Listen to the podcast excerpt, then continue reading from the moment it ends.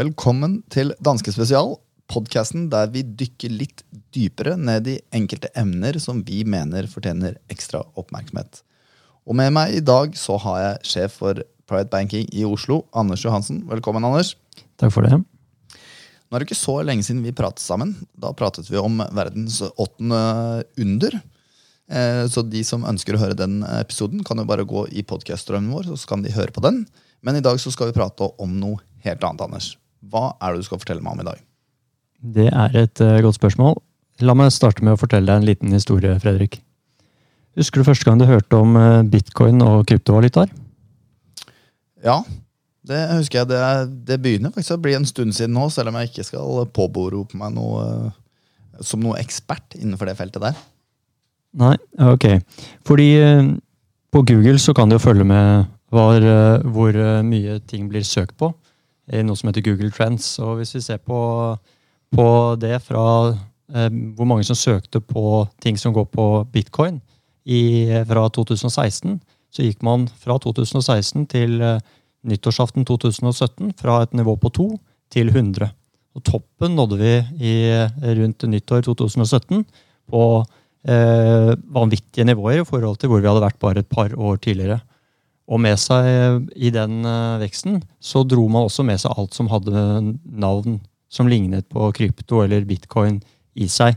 Så det ble en, eh, ikke bare en, eh, si, en enorm interesse rundt bitcoin, men også rundt en del aksjer som var relatert til det.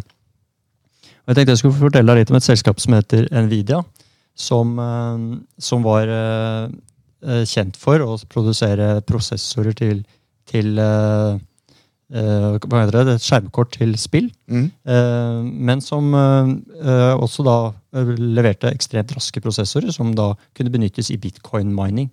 Og Plutselig så ble det veldig hot der. Men i tillegg så hadde de to andre eh, hotte trender som også var positivt for dem. og det var, ene var Internet of Things. Altså at alt skal være koblet til nett. Ja. Eh, og det andre var eh, artificial intelligence. Det at datamaskiner kan bli smarte, eller oppføre seg som det smarte, i hvert fall. Ja. Så um, forventningene til Nvidia ble skrudd kraftig opp.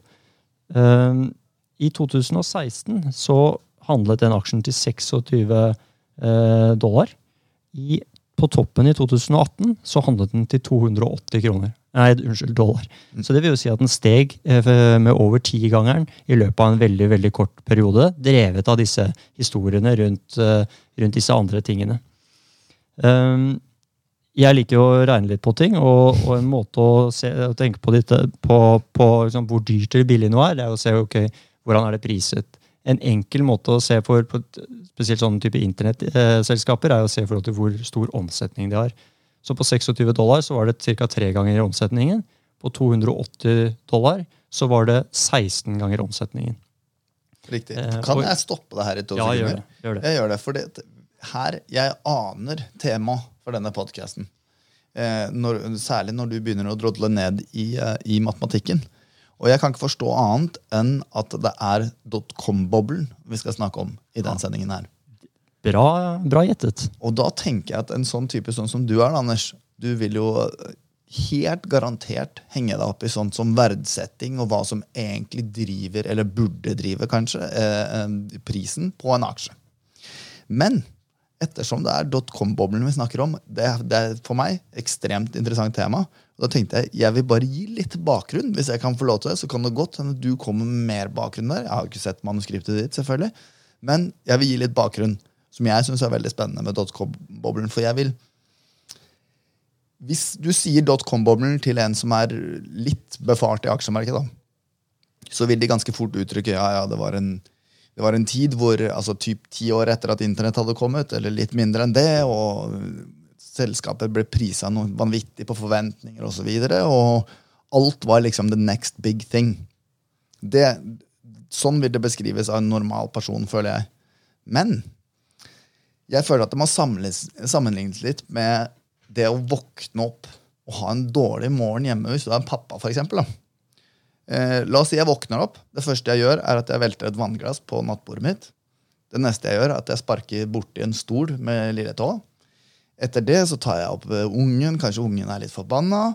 Og så skjer en rekke sånne ting, og til slutt så står kona mi opp, og så er ikke hun så veldig godt humør. Og når jeg kommer på jobb, og noen spør ja, hvordan eh, var morgenen din, så sier jeg nei, det var en dårlig morgen fordi kona var i dårlig humør. sier jeg. Men det var ikke det. Det var så veldig mye mer. Og det er det som er tilfellet med dotcom-boblen også.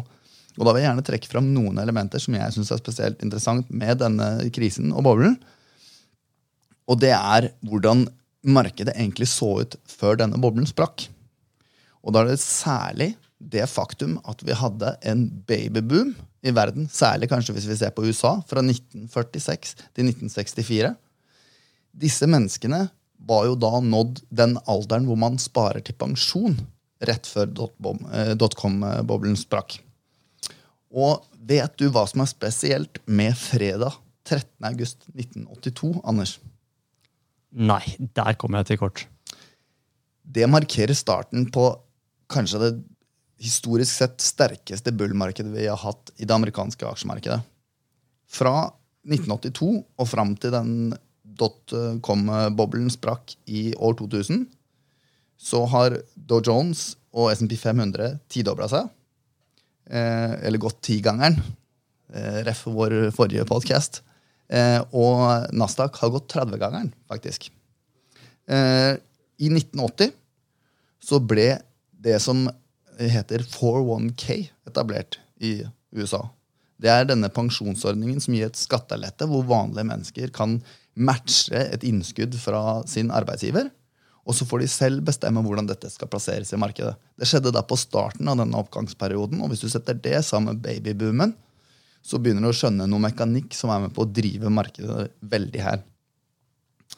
Eh, bare for å et å understreke det poenget litt mer, fra 1984 til 1994 eh, så gikk privat eierskap på amerikanske børser av personer som tjente under 80 000 dollar i året, fra i underkant av 20 til i overkant av 45% Altså Du har et massivt inntog av uprofesjonelle investorer i markedet.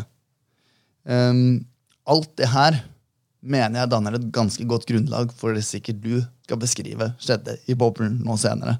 Og bare for å si litt om hvor vanvittig utviklingen var på noen av disse papirene eh, fram til boblen, så hvis vi f.eks.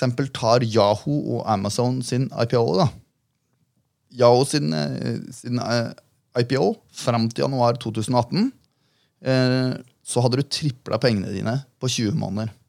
Og fra Amazon sin IPO og fram til januar 2018 så hadde du tripla pengene dine på syv måneder.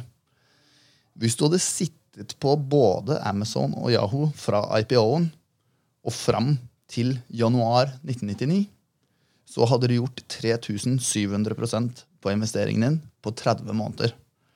Så det, det, jo, det er jo da tech-aksjer. Men folk hadde en vanvittig return også i trygge state stocks, som de kalte det, i USA. Eh, på den tiden, særlig på 90-tallet. Eh, men det var ikke nok. Og folk begynte å lete etter nettopp den type avkastning som vi så her i Yao og Amazon. Dette syns jeg er veldig spennende, som du sikkert skjønner. Så da skal jeg, tror jeg skal slippe deg mer løs til hva som faktisk skjedde i boblen. Fantastisk. Du, du er glad i å grave, du òg, merker jeg. Um, jeg tror vi må gå tilbake, for du har brukt, nå er det siste du har sagt, du har brukt ordet boble mange ganger. Og, og vi må jo snakke litt om hva er en boble. Det finnes mange definisjoner på det, men det jeg tenker på som en boble, er jo hvis man priser noe med svært usannsynlige antakelser. Altså ikke helt umulige, men svært usannsynlige. Eh, og da blir jo spørsmålet hva er det? Hva er det som er så urealistisk at vi på en måte kan kalle noe en boble? da?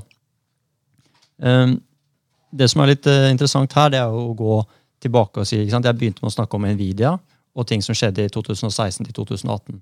Vi vet ikke, Jeg kan godt påstå at eh, jeg mener den var priset som en boble når den var priset på 16 ganger omsetningen. Ikke det de tjener, men omsetningen. Eh, men det vet vi jo ikke før det har gått noen år til. Men jeg tenkte vi skulle ta, dra parallellen akkurat til det du kaller dotcom-boblen. Og så se ok, eh, hvordan var disse aksjene selsket, priset, og kan vi få noen paralleller som vi kanskje kan lære noe av når vi snakker om Nvidia. Uh, og nå har jo du dratt i veldig lange linjer, men jeg tenkte vi kunne gå litt tilbake igjen og så snakke om, snakke om uh, midten av 90-tallet. Da husker du, Det husker du sikkert godt, Fredrik. Det var jo, Jeg gjør det, faktisk. det var jo den perioden hvor du akkurat hadde fått en mobiltelefon du kunne putte i lomma. Den var ikke lenger stor som en brødrister og veide tre kilo. Jeg husker egentlig mest at jeg fikk 35% på SMP 500 i 1995. Og da er det 37 år siden sist den hadde gjort det så bra. på ett år. Ja. Det, det er god avkastning på et år. Um, I tillegg så hadde jo for da, sånn selskap som Microsoft, som jeg kommer litt mer tilbake til, de hadde eh, lansert sitt revolusjonerende produkt, Windows 95, som plutselig gjorde dette her med eh, PC-er for uh, til uh, noe som ikke bare var for computernerder, men noe som alle kunne bruke på en intuitiv måte. Um, så det var jo en vanvittig boom rundt eh, alt som hadde med internett å gjøre. Vi hadde også typisk fått vår første mailadresse, kanskje. Vi kunne så vidt begynne å søke på internett. Vi kunne først og fremst også drømme om alt hva internett en gang i fremtiden skulle være. Det var snakk om, snakk om eh, utbygging av eh, nettverk, vi snakker både trådløst, men også fiber og den type ting. Vanvittige visjoner for hva, hva som kom til å skje fremover. Og et selskap som, som var midt i den utviklingen, var Sun Microsystems. Eh, De solgte datamaskiner og komponenter. Eh, De hadde utviklet sitt eget programmeringsspråk som het Java, som du kanskje har hørt om.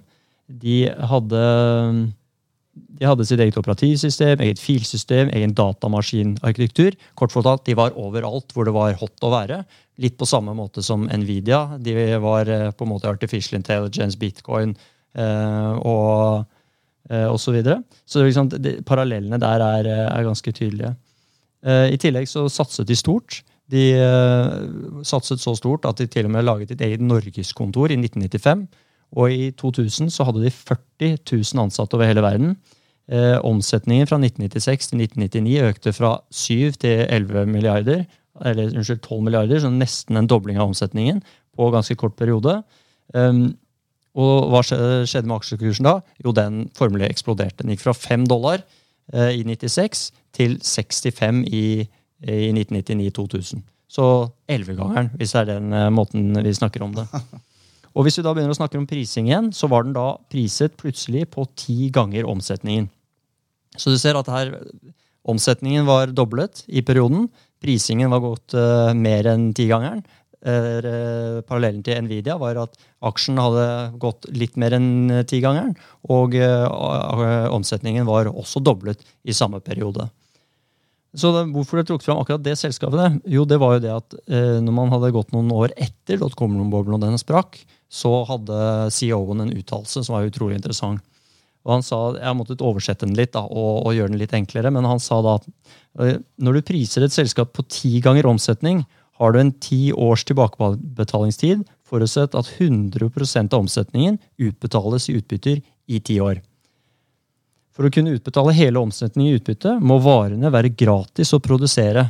39 000 ansatte de må jobbe gratis. Du betaler ikke skatt til selskapet, og du betaler heller ikke skatt som aksjonær. Eh, og selskapet kan heller ikke investere én eneste krone i vekst i fremtiden.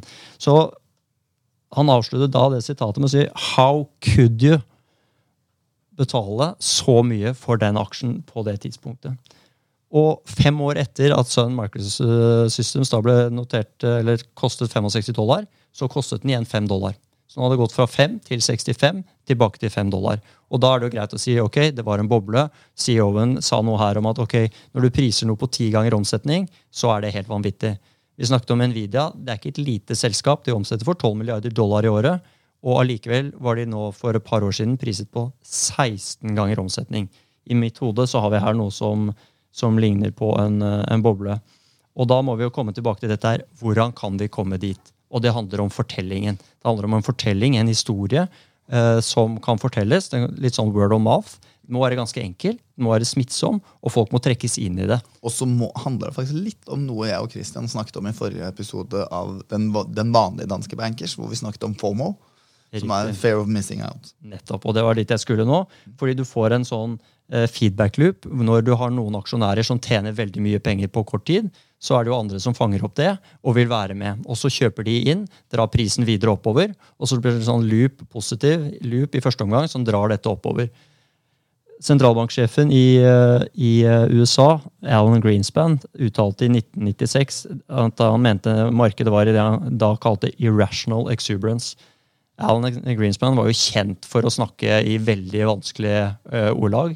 Og hvis du skulle oversette det, så jo, må det være noe i nærheten av at, av at altså det var irrational, noe som ikke kunne være Som vi ikke kunne eh, forklare ordentlig. Forklare ordentlig. Ja. I tillegg til at det var exuberance. altså Det var en, noen overstrømmelse. Eh, noe, noe, vanvittig. Eufori. Da. En eufori. Bra, bra ordvalg.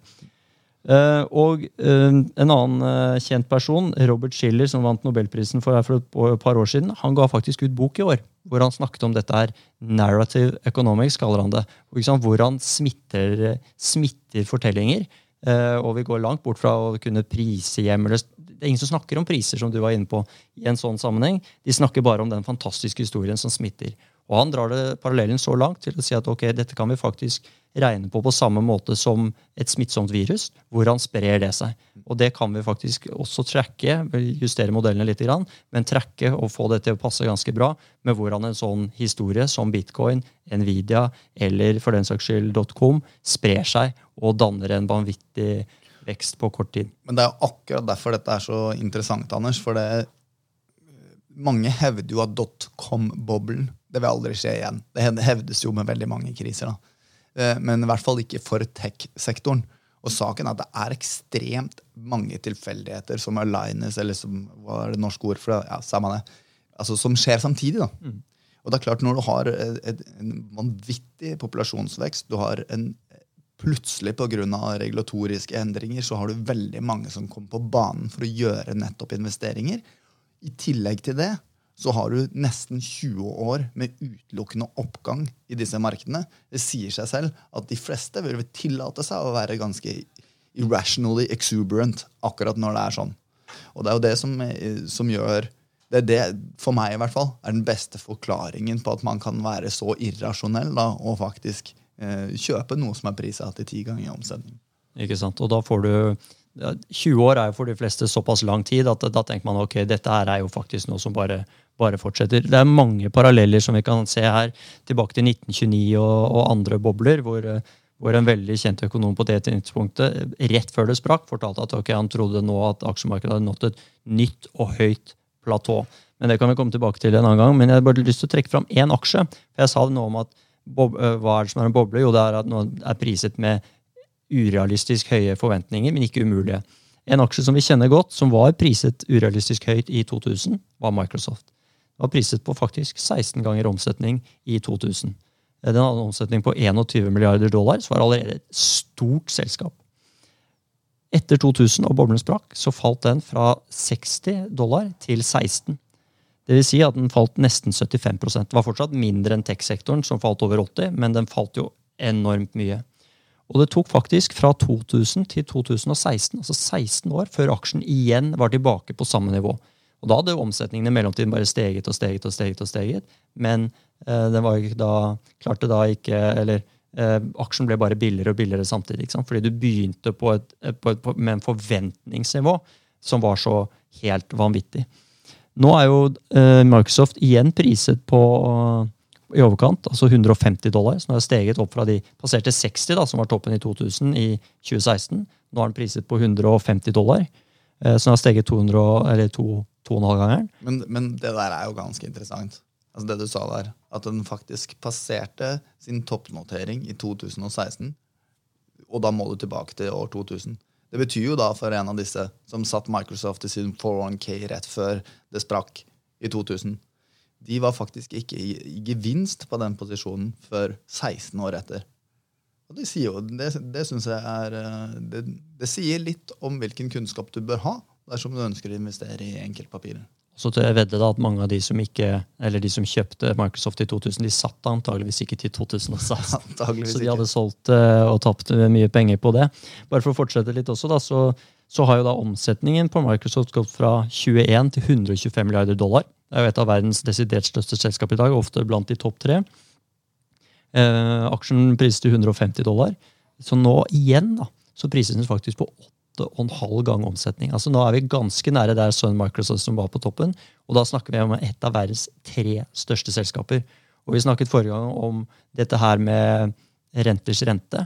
Hvis du skal klare å vokse fort når du omsetter for 125 milliarder dollar, det blir umulig. for den snøballen blir etter hvert så stor at det er helt umulig. Så jeg vil jo nesten si at, uh, at det er åpenbart igjen at Microsoft er priset uh, helt beyond det som burde noen investor burde være. Men, men her, her, er det jo selvfølgelig også det poenget, riktignok med motsatt fortegn, da markedet kan can stay irrational longer than you can stay solvent. Så man kan jo godt si det går fint an å kjøpe et av disse i anførselstegn overprisede selskapene og fortsatt ha god positiv avkastning på det. Du er bare avhengig av at noen er mer irrasjonelle enn deg.